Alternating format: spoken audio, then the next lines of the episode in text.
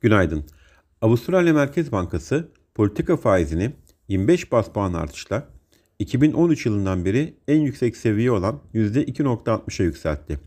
Bloomberg, Türkiye'nin Rusya'dan doğalgaz ödemelerinin bir kısmını 2024 yılına ertelemek için talepte bulunduğunu iddia etti.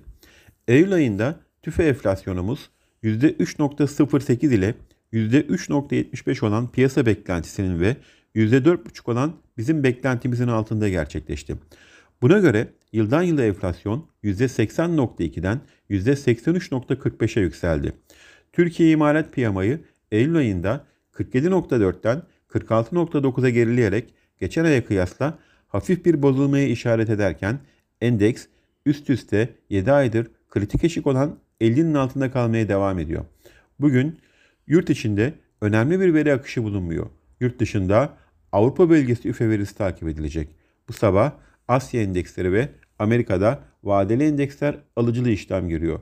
Borsa İstanbul'da pozitif bir başlangıç öngörüyoruz. İyi günler, bereketli kazançlar.